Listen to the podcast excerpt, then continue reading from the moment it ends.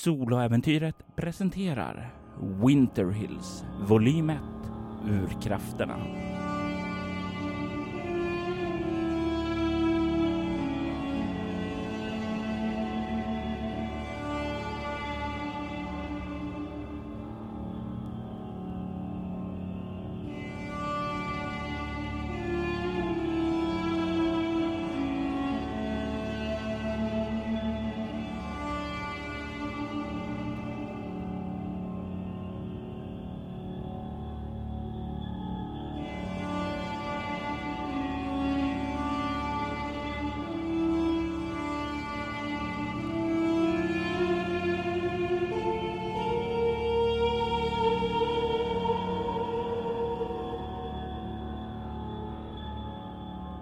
Säsong 1 avsnitt 21 Superstition andra delen. Det sägs att det finns en särskild plats i helvetet för dem som öppnar sina julklappar för tidigt. Den 23 december, två dagar innan julfirandet, befann sig tvillingarna Changs nere i arbetsrummet och kollade runt på datorn. De hittade en fil. En fil där det stod DRP på och inom parentes öppna ej. Vad är det mest logiska att göra när det står öppna ej? Jo, det är ju att öppna den. Sedan välde intrycken över dem och allt blev svart. Simone och Samantha, jag vill att ni slår ett chock chockartat skräckslag med ego. Nio. En skräcknivå för dig, Simone. Sex. Två för dig, Samantha.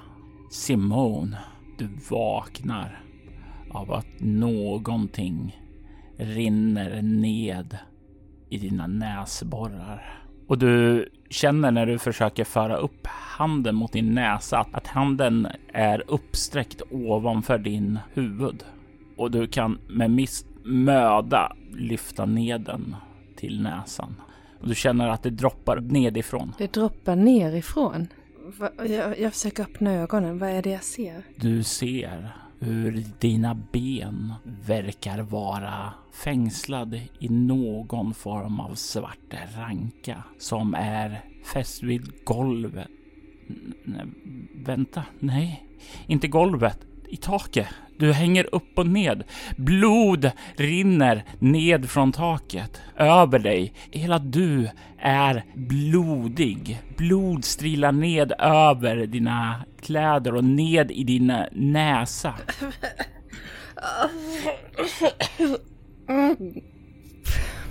Jag försöker vrida ansiktet så att jag inte får så mycket i näsan. Om det går. Jag har ju händer så jag kan försöka... Har jag några kläder på mig? Du har några vanliga myskläder på dig. Vad är det för vanliga som du känner dig bekväm när du stannar hemma och så? T-shirt och joggingbyxor. Ja, det är vad du har på dig där du hänger. I så fall drar jag t-shirten neråt så att den eh, hänger för näsan och munnen så att jag inte får allt i ans ansiktet. Så. Det blir ju att du får trycka den uppåt och hålla den uppåt då så att säga, för du hänger ju upp och ned. Mm. Jag får panik om jag får in massa blod i näsan. Är det blod? Du känner med tungan och du känner den järnrika blodstoften. Jag verkar inte ha några skador själv. Det är inte jag som blöder. Det verkar inte vara du som blöder. Det droppar från taket. Det verkar vara mina fötter som sitter fast. Ja. Det är nästan som om någon har tagit ett rep och liksom bundit ihop dina ben och hängt upp dig i taket. Okej, jag är ju väldigt smidig och atletisk. Jag försöker anstränga mig och fokusera och sen försöker jag böja mig uppåt så att jag kan försöka lösgöra mina fötter. Slå ett svårt slag med kropprörlighet. Vad tror du om det här smidig två tärningar för att ta sig fram i oländig terräng? Nej, det är ju visserligen oländligt här men inte den typen av oländigt. 15. Du börjar ta dig uppåt och det är jobbigt. Du kommer att ta en bestående förlust Du kan ta den i ego, alltså du är hängt upp och ned och jag tänker mig att det kan vara så här blodet börjar strömma nedåt. Du börjar känna en dundrande huvudvärk. Eller så kan det vara hjärn, din hjärnvilja som liksom fokuser, får dig att fokusera uppåt och då är det utstrålning. Eller så kan det vara faktiskt skador du har av det här och då är det kropp. Okej, jag tar en i ego. Och sen så tänker jag att det här blodet är ju väldigt halt så om det är så att jag inte kan få upp det som håller fast mina ben så kanske jag kan försöka kleta in det här blodet mellan eh, det som håller fast benen och söka leka ut en fot i taget. Jag undrar vad du har stridsvana när du liksom tagit upp och börjar kleta där. Stridsvana? Noll. Yes, ja men du börjar kleta in där och eh, med ditt slag också så kan du liksom börja känna att du, jo, du skulle nog kunna ta dig lös också där du hänger och dinglar lite fram och, och tillbaka i taket. Tar du dig loss? Och hur gör du det i så fall? Det jag undrar egentligen, vad är det på marken? Det är fem meter ned. Ett stengolv, plattor där under. De är lagda i mönster. Mönster av, det ser ut som om det är en spiral som går runt där.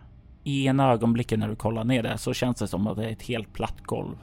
Men i nästan så är det som om blicken skiftar och det ser ut som det verkligen är en spiral nedåt och sen växlar det tillbaka. Dina ögon har svårt att avgöra om det verkligen är ett rakt golv eller en spiral rakt ned. Du kan se att det är upplyst här av röda brinnande facklor.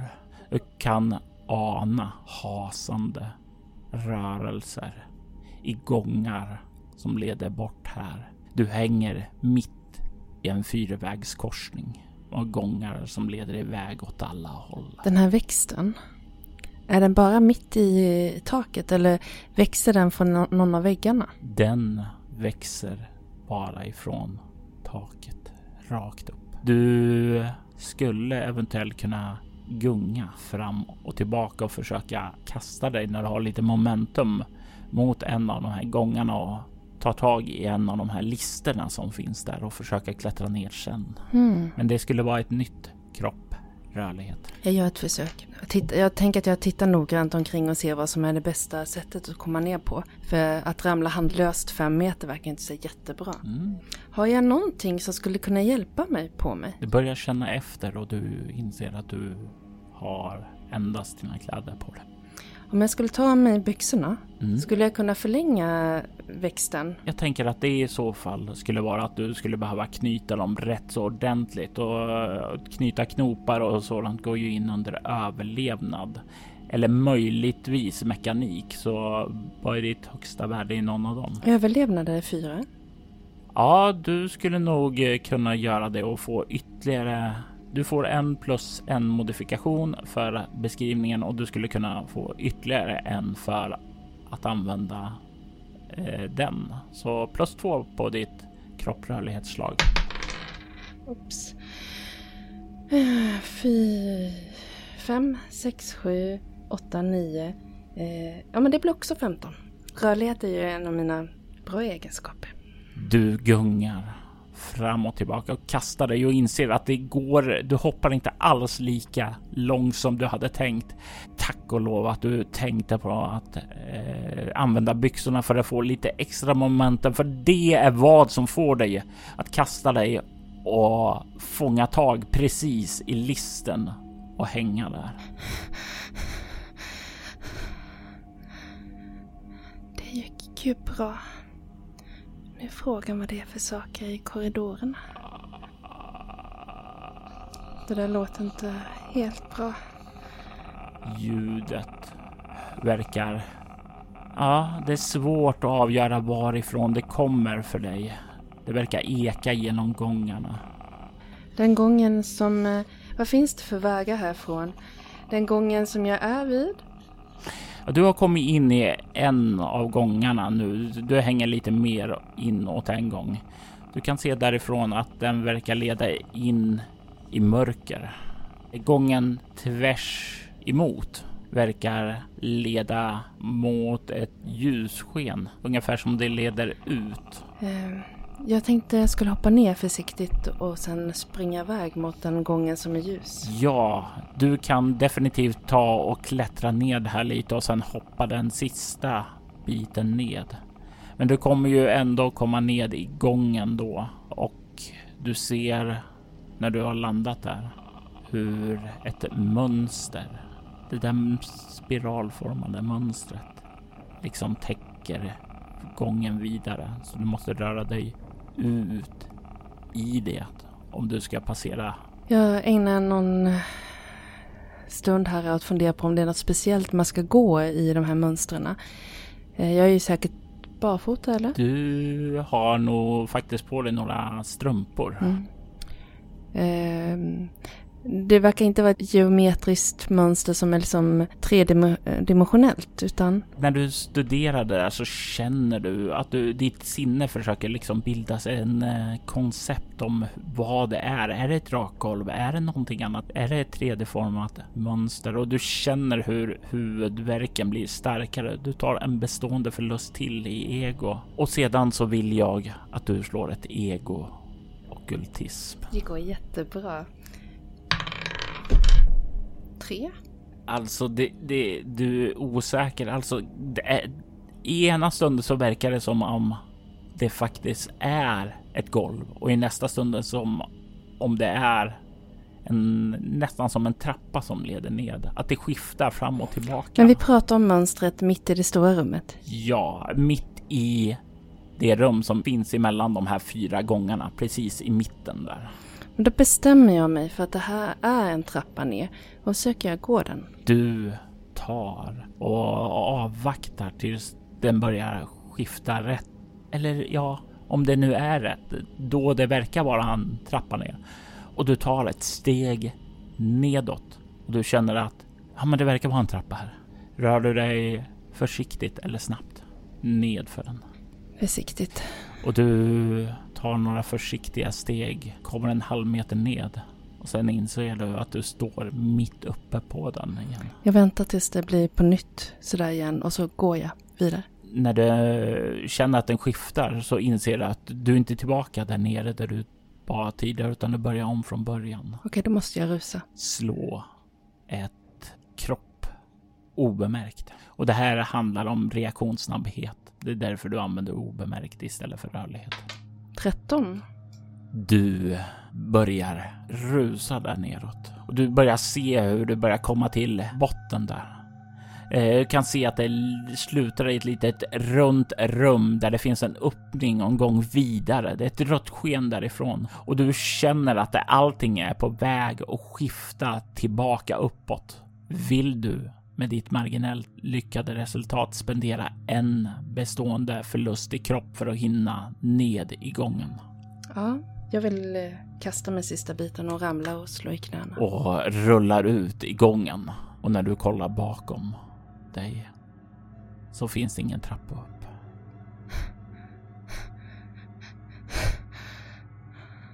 Var har jag kommit någonstans? Var är jag? Samantha? Du ropar. Samantha. Efter Samantha.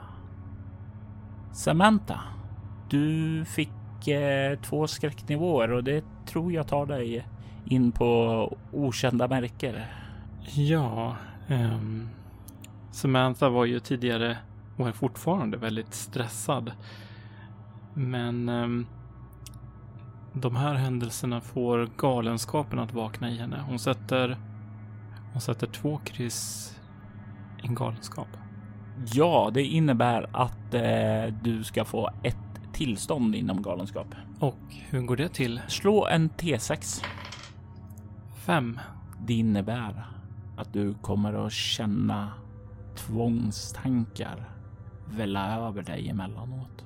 Det innebär att jag en gång per scen kan ge dig en tvångstanke som du måste spela på du kan ignorera den men genom att ta en bestående förlust i utstrålning. Mm.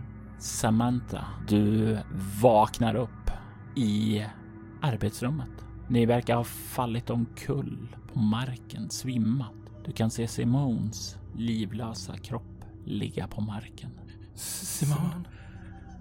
Simon? Jag reser mig försiktigt. Verkar jag vara skadad på något sätt? Du verkar inte skadad på något sätt. Jag tar mig bort till Simone och ser hur det är med henne. När du kikar på henne så kan du se att hon, hon verkar ha en väldigt, väldigt svag andhämtning. Först så känns det liksom att hon, hon andas inte, hon andas inte, men så ser du hennes bröst skjuta upp lite. Simone. Simone. Klappar henne lite grann på kinden försiktigt. Simone. Och när du liksom klappar till henne försiktigt så ser du hennes huvud liksom glider lite åt sidan. Du kan se lite röd sand rinna ut ur hennes näsa. Röd sand. Samma röda sand som du har sett tidigare. S- Simone. Hallå. Hon verkar ligga rakt.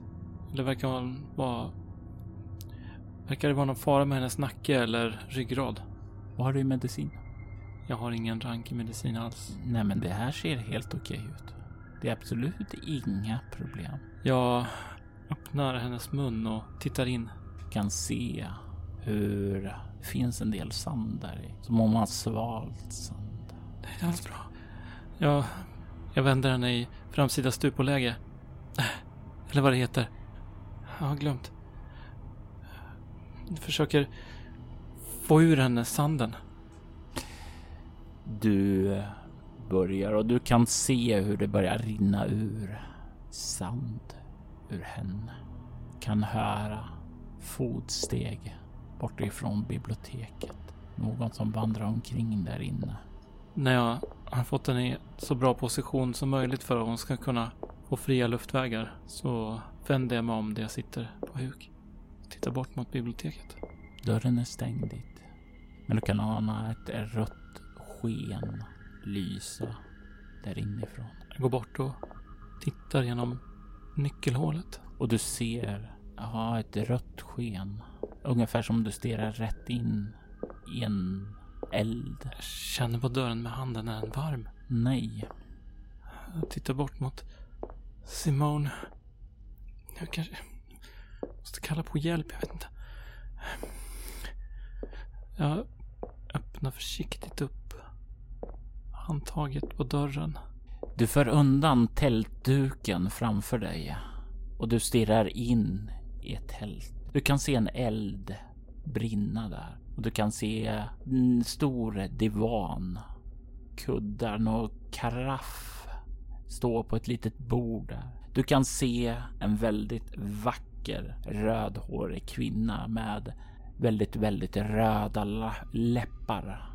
Hon bär en en axellös röd klänning med vit brodyr längst upp.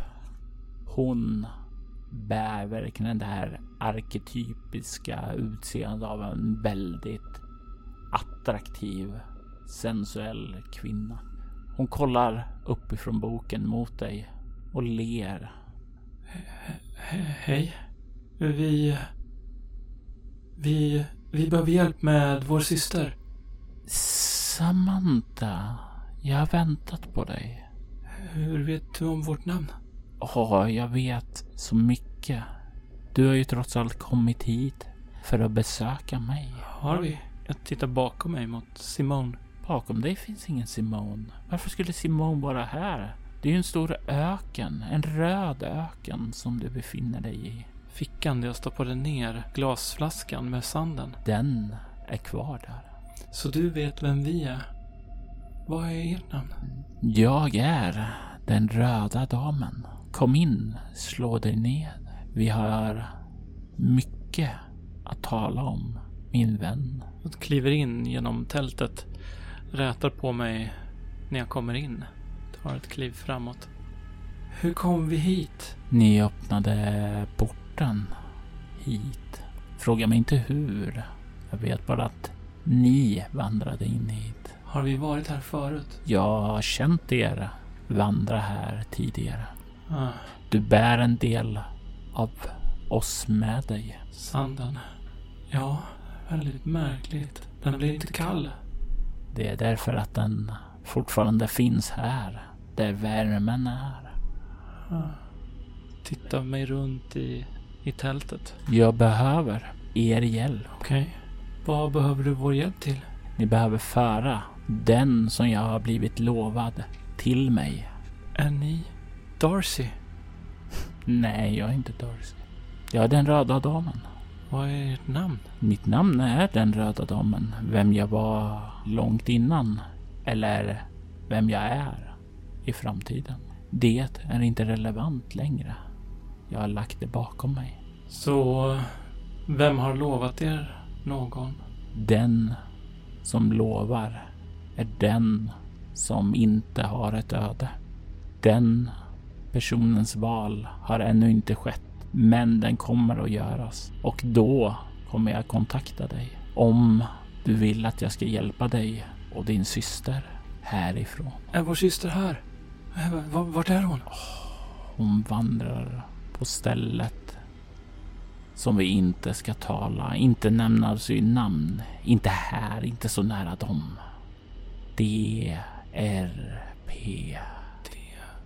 R. P. Det som inte får nämnas vid namn. För varje gång det nämns så blir det verkligare. Vänta. Vi minns.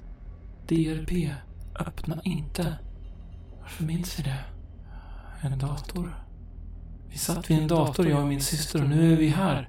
Varför vill du hjälpa oss? Som jag sa, du behöver föra den som har blivit lovad till mig. Vem är det?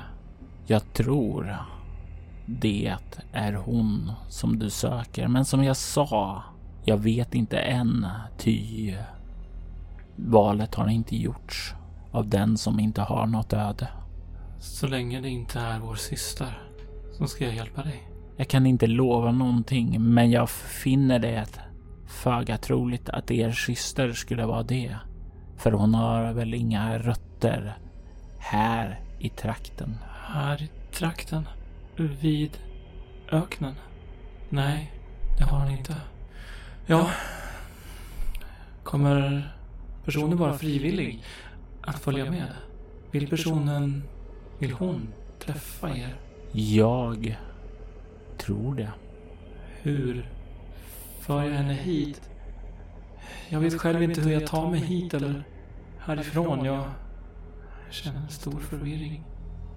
Jag vet inte hur vi kom hit. Ja, vi kan ju alltid öppna mappen igen vid datorn.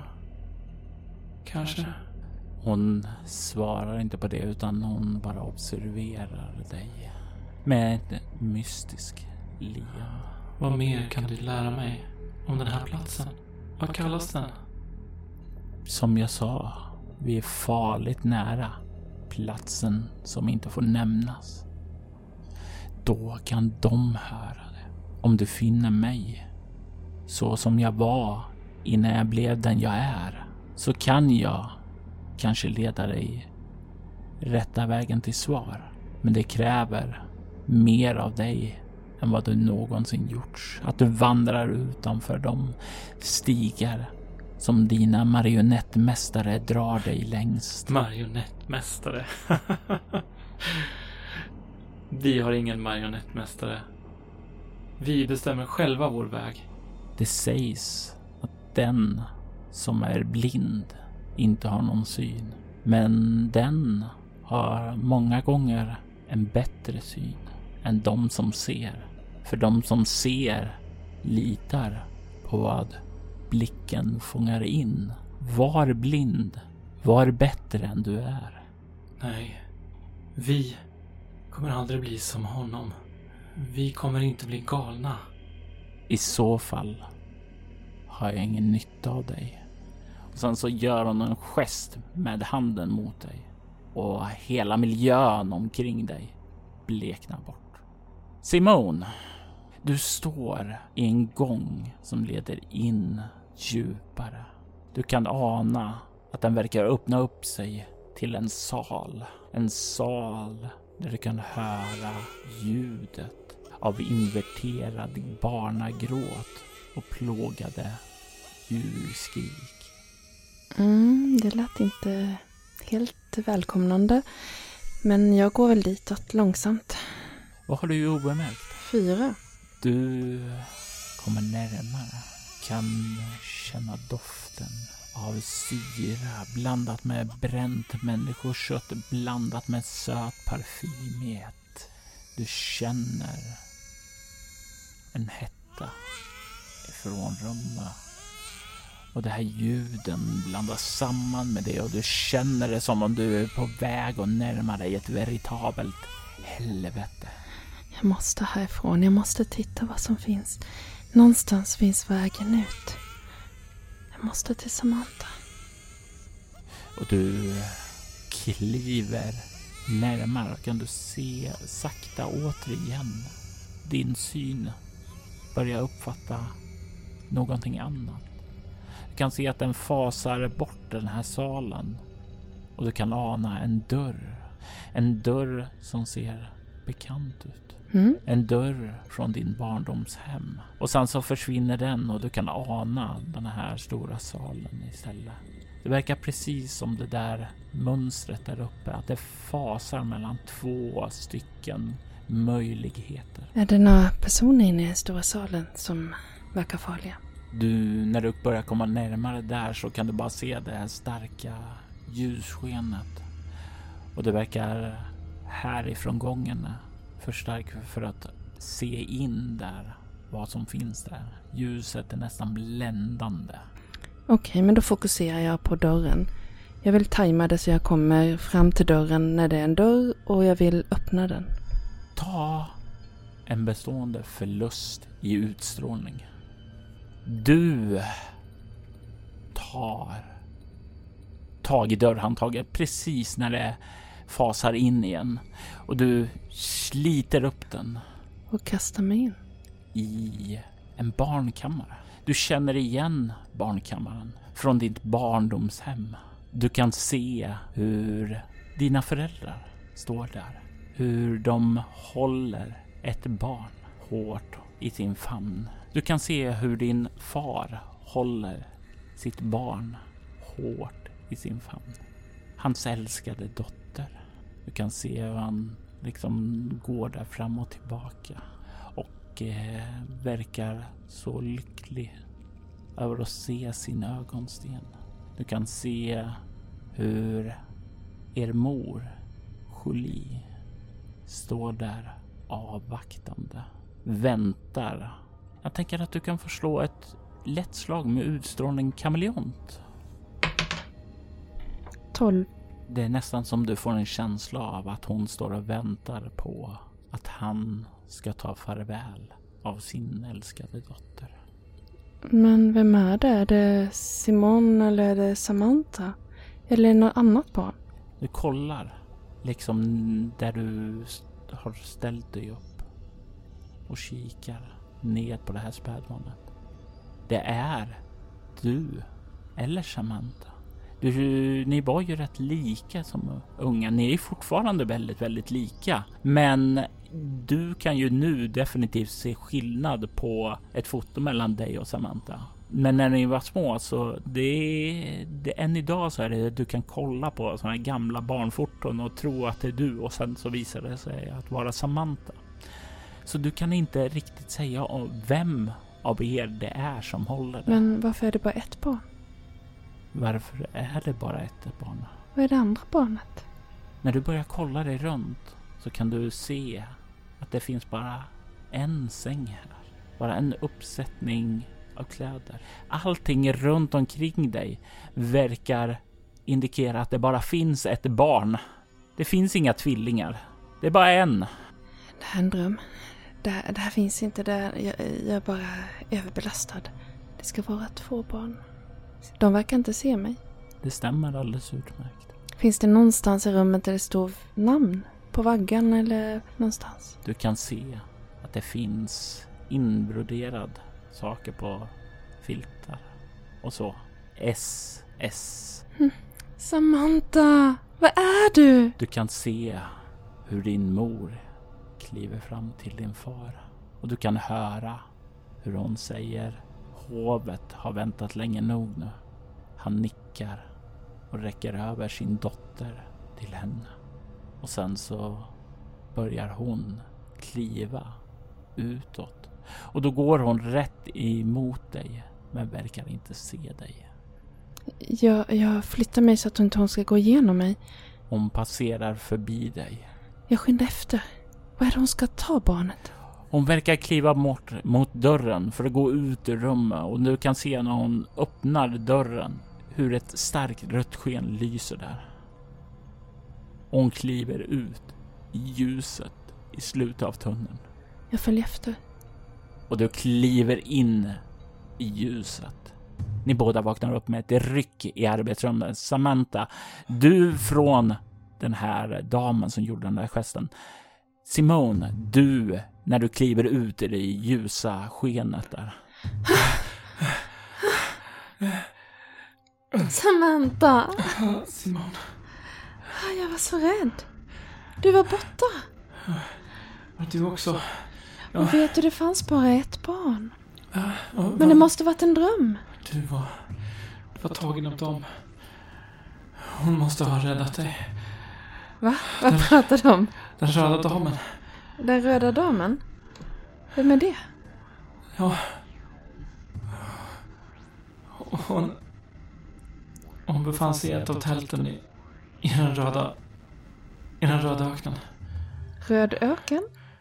Ja, Det är nu som ni lägger märke till att på golvet runt omkring er ligger massor av röd sand. Du, du var också där. Det, men du... Du var okontaktbar. Du, du hade sand i, i...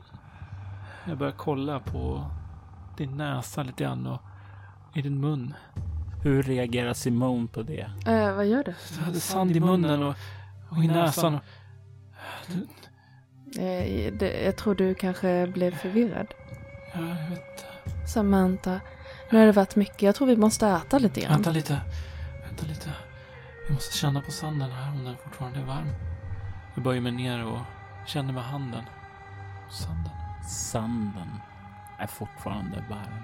Och jag tänker att ni båda kan notera ett kryss på uppvaknande över att ha upplevt denna övernaturlighet. Jag hade en liknande dröm förut. Vadå? Jag, jag var i en, en röd öken och jag plockade fram från min ficka Vad är det för något? en glasflaska. Det är sand i den. När jag vaknade upp så, så är det sand i sängen. Känner du den, den, den är fortfarande varm? Och den är ju så här varm, ungefär som du har tagit upp sand från öken som har legat, solen har legat på och bränt länge på den. Det var väldigt märkligt. Det verkar som något har haft kontakt med dig. Känn på, känn, känn på sanden här. Ja. Vad har du för förklaring till det, Samantha? Vi, vi hade den här drömmen. Jag har ingen förklaring än så länge. Men jag antar att sanden är radioaktiv eller... Men hur kom den hit? Det var ingen sand här förut. Nej, kanske fanns det luckor i taket ur vilken den föll ner. Kollar upp mot taket. Du kan inte se några spår av några luckor i taket. Är din sängkammare också? Det här var i, i vårt studentrum. Det var där sanden först kom fram. Innan vi gav oss av. Va? Hände det här i Kanada? Ja, första gången ja. Och nu, nu vaknar vi upp där. Klev in i en av beduintälten. Eller något liknande. Hon vill ha vår hjälp. Vem då? Den röda damen. Vad vill hon att vi ska hjälpa till med? Hon vill att vi ska föra en kvinna till henne. Mhm. Vet vi ens vilken kvinna? Nej, men hon var ganska säker på att det inte var du. Mhm. Eftersom ingen av oss har våra rötter i den röda öknen. Eller? Jag vet inte. Jag, du och jag har ju samma ursprung. Ja, ja vår mor födde oss ju i, i, i, i Kanada. Mm. Inte från en röd öken? Jag undrar vart den ligger. Kanske i Australien? Om inte hon menade ursprung från Winter Hills. Nej, det gjorde hon inte. Ja. ehm, och vad skulle hon göra med den här kvinnan där? Döda henne eller prata vänligt med henne eller? Jag är inte helt säker. Men det kan vara så att det är Darcy. Mhm. Men du, vi, bara för att den här röda kvinnan vill någonting så behöver vi, vi inte ge henne det. var förutsättning för att vi, vi skulle kunna rädda dig. Rädda mig? Vart var du? När jag vaknade upp, det här, det här låter helt otroligt, då hängde jag upp och ner i en växt i taket. Och det dröp blod från taket. Det var ju som en dröm. Jag måste ju slagit i huvudet eh, när jag ramlade av stolen här.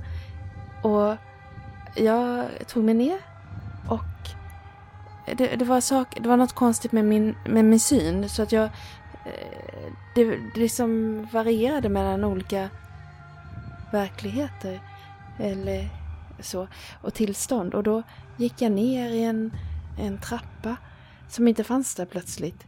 Så jag fick skynda mig. Och så kom jag till ett rum där det var massa röd, röd, rött sken och det var väldigt otäckt. Det var barnaskrik och annat plågade ljud. Men jag gick istället in i en dörr som var till vår barnkammare. Och jag såg mor och far. De såg så unga ut. Vad... Vad... Vad gjorde de med oss? De hade bara ett barn. Men det var antingen du eller jag. Och sen gick de... Min... Vår mor tog barnet, oss, och gick med till hovet. Hovet? Mm. Och sen gick hon rakt in i det här röda ljuset. Vänta nu. Tänk om... Tänk om någon av oss har våra rötter där. Va? Vem av oss var det? Jag vet inte. Någon som började på S? Ja. Du vet ju, bilderna på oss när vi var små. Det är helt omöjligt. Jag skulle gissa, det är bara ren slump vem som heter Simon och vem som heter Samantha. Jag tror inte våra föräldrar kunde skilja på oss. Ett barn. Från den röda. Men, men, men det verkar ju lite märkligt. Det var nog någonting jag drömde när jag slog i huvudet. Ja. Det, det var bara en märklig dröm. Men du hade väl också en dröm när du slog i huvudet, Ja. den röda damen? Var kommer all sanden ifrån? Ja, det Det är är så ju varmt lite, här inne. det är lite besvärligt. Kom vi går upp och äter någonting. Det är så varmt här inne. Kom vi går upp och äter Jag börjar någonting. ta av mig eh, min eh, tröja. Det är så varmt här inne. Kom nu. Kom nu Samantha. Jag, jag tar för dig upp mot köket till. Och när du börjar föra Samantha ut så glänser dina ögon över datorskärmen. Och du kan se på datorns skrivbord att det inte längre finns en mapp som heter DRP, utan den är borta. Kom Samantha, vi går upp. Jag tror att du behöver lite te. En god kopp te. Och lite lunch är vad du behöver. Kom en kopp te. Mm. Mm. Glaze, kom. Ja. Nu går vi upp. Du kan inte se Glaze här. Jag måste ta med sanden. Jag måste ta med sanden. Ja, du har ju redan sand i en flaska. Du behöver inte mer sand. Böjer mig ner och tar två fulla nävar med sand. Och det är här någonting maniskt i dig börjar kicka in. Du känner ett starkt behov av att börja räkna varje sandkorn du kan se. Jag böjer mig ner. Vi måste kategorisera det här. Vi måste veta exakt hur många sandkorn det är. Vänta, här, här ett. Men det får du göra efter vi har ätit Nej, lunch. Du nej. vet hur mamma säger. Först äter vi och sen så jo- jobbar vi. Släpp mig. Kom nu, vi går. Två, Kom nu. nej, tre, fyra, Jag försöker dra med dig upp. fem. Nej, igen vi kan inte gå härifrån Jo, för jag har det- räknat alla. Ja, men det är ett tungt arbete vi och det kan- kommer göras bra sen. Vi kan räkna ut densiteten på sanden om vi får tillräckligt många räknade och sen så kan vi väga den och så Och kan det vi gör se. vi efter lunch. Nej, Mamma måste göra sagt det att, mamma har sagt att man måste, vi måste... mamma har sagt att man det. måste ar- äta lunch först innan man arbetar. Nu, Ja. nu. Kommer du ihåg vad mamma brukar säga? Ja, hon är inte här nu. Nej, men mamma Julie brukar... är inte här. Nej, mamma säger att vi måste äta lunch först. Simon! Vänder mig mot dig och stirrar på dig. Simon. Vi måste väga sanden. Gå och hämta en våg. Du måste hjälpa mig att leta reda på den i köket. Kom, Nej, kom. jag stannar här. Simone, du kan se någonting mörkt i Samantas blick. Någonting som du inte har sett tidigare. Det är nästan så du får krypa i ditt skinn. För du har aldrig sett det i hennes ögon tidigare. Det är någonting kallt. Hämta vågen. Okej, jag hämtar vågen till dig. Och sen går jag upp och gör en milkshake. När du kommer upp i köket, du kan höra Glaze. Hon gnyr bortifrån matsalen.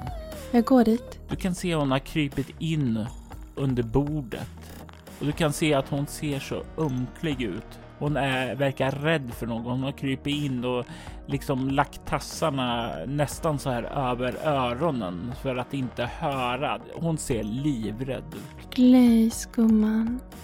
Jag sätter mig på golvet bredvid bordet. Och jag tänker hon är faktiskt så traumatiserad så att jag tänker be dig att slå ett utstrålning plus överlevnad. Ett svårt slag. Men du har plus två för du känner ju Glaze väldigt väl. Elva. Men eh, jag går och hämtar lite... Eh, jag ser ju att det här, hon, hon kan, jag kan inte nå henne riktigt och i värsta fall skulle hon kanske hugga mig. Så jag går och hämtar lite grann hundgodis och hennes favoritfilt. Mm. Och hon kommer ju börja respondera på dig, men det kommer ta extra tid då eh, att få henne sakta börja känna sig tryggare. Och eh, du, du till slut så liksom, liksom kryper hon fram till dig och filten där och Mm. burrar sig upp emot Ja, dig. jag drar filten runt henne och pussar på henne och kramen på henne och pratar med henne. Så Glaze, det är ingen fara. Matte är här. Allt det där otäcka borta nu. Så, du är en stor och tuff hund. Kom hit Glaze. Och medans du sakta får Glaze att må bättre så är Samantha nere i arbetsrummet på knä och räknar varje sandkorn som hon kan finna i ett maniskt tillstånd. I detta avsnitt hör du Gustav Rutgård som Samantha Shanks och Maria Rutgård som Simone Shanks. Winter Hills är en berättelse skapad och spelad av Robert Jonsson till rollspelet Bortom som ges ut av Mylingspel. Avsnittet klipptes och ljudlades av Robert Jonsson. Winter Hills temamusik skapades av Andreas Lundström från Sweden Rules och Riddles in the Dark. Ni hittar hans musik på Spotify och Soundcloud. Övrig musik gjordes av Array, Andreas Lundström, Vilog Songs samt Cryo Chamber kollaborationen Shub Nigurat. Bolaget Cryo Chamber som gav ut Shub Nigurat ger ut fantastiskt stämningsfull ambient musik som passar perfekt till dina spelmöten och rekommenderas varmt. Länkar till dem och övriga artister hittar du i avsnittets inlägg. Soloäventyr är en actual play podcast där vi spelar rollspelen Bortom och Leviathan. Ni kan komma i kontakt med oss via mail på info.bortom.nu. Det går även att följa oss på Instagram och Twitter som @spelabortom, på Facebook samt på bortom.nu. Känn er fri att spana in vår spin-off-podd Altors vidder. Där spelar vi det klassiska rollspelet Drakar och Demoner i världen Altor. Ni är välkomna att lämna recensioner om podden på både Facebook och era poddappar. Det uppskattas djupt av oss och kan leda till extra belöningar för er. Vill du stödja Roberts fortsatta kreativa skapande kan du göra det på patreon.com snedstreck Robert Jonsson. De som backar får tillgång till material i form av extra poddar och statusuppdateringar. Mitt namn är Robert Jonsson. Tack för att du har lyssnat. Vi vill ta tillfället i akt att tacka, hylla och hedra våra Patreon-backare. Martin Stackelberg. Mia Gibson.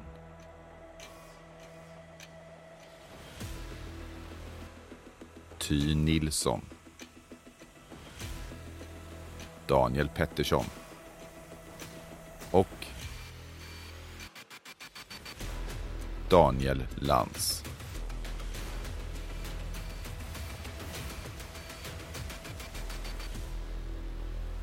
Ert stöd är djupt uppskattat.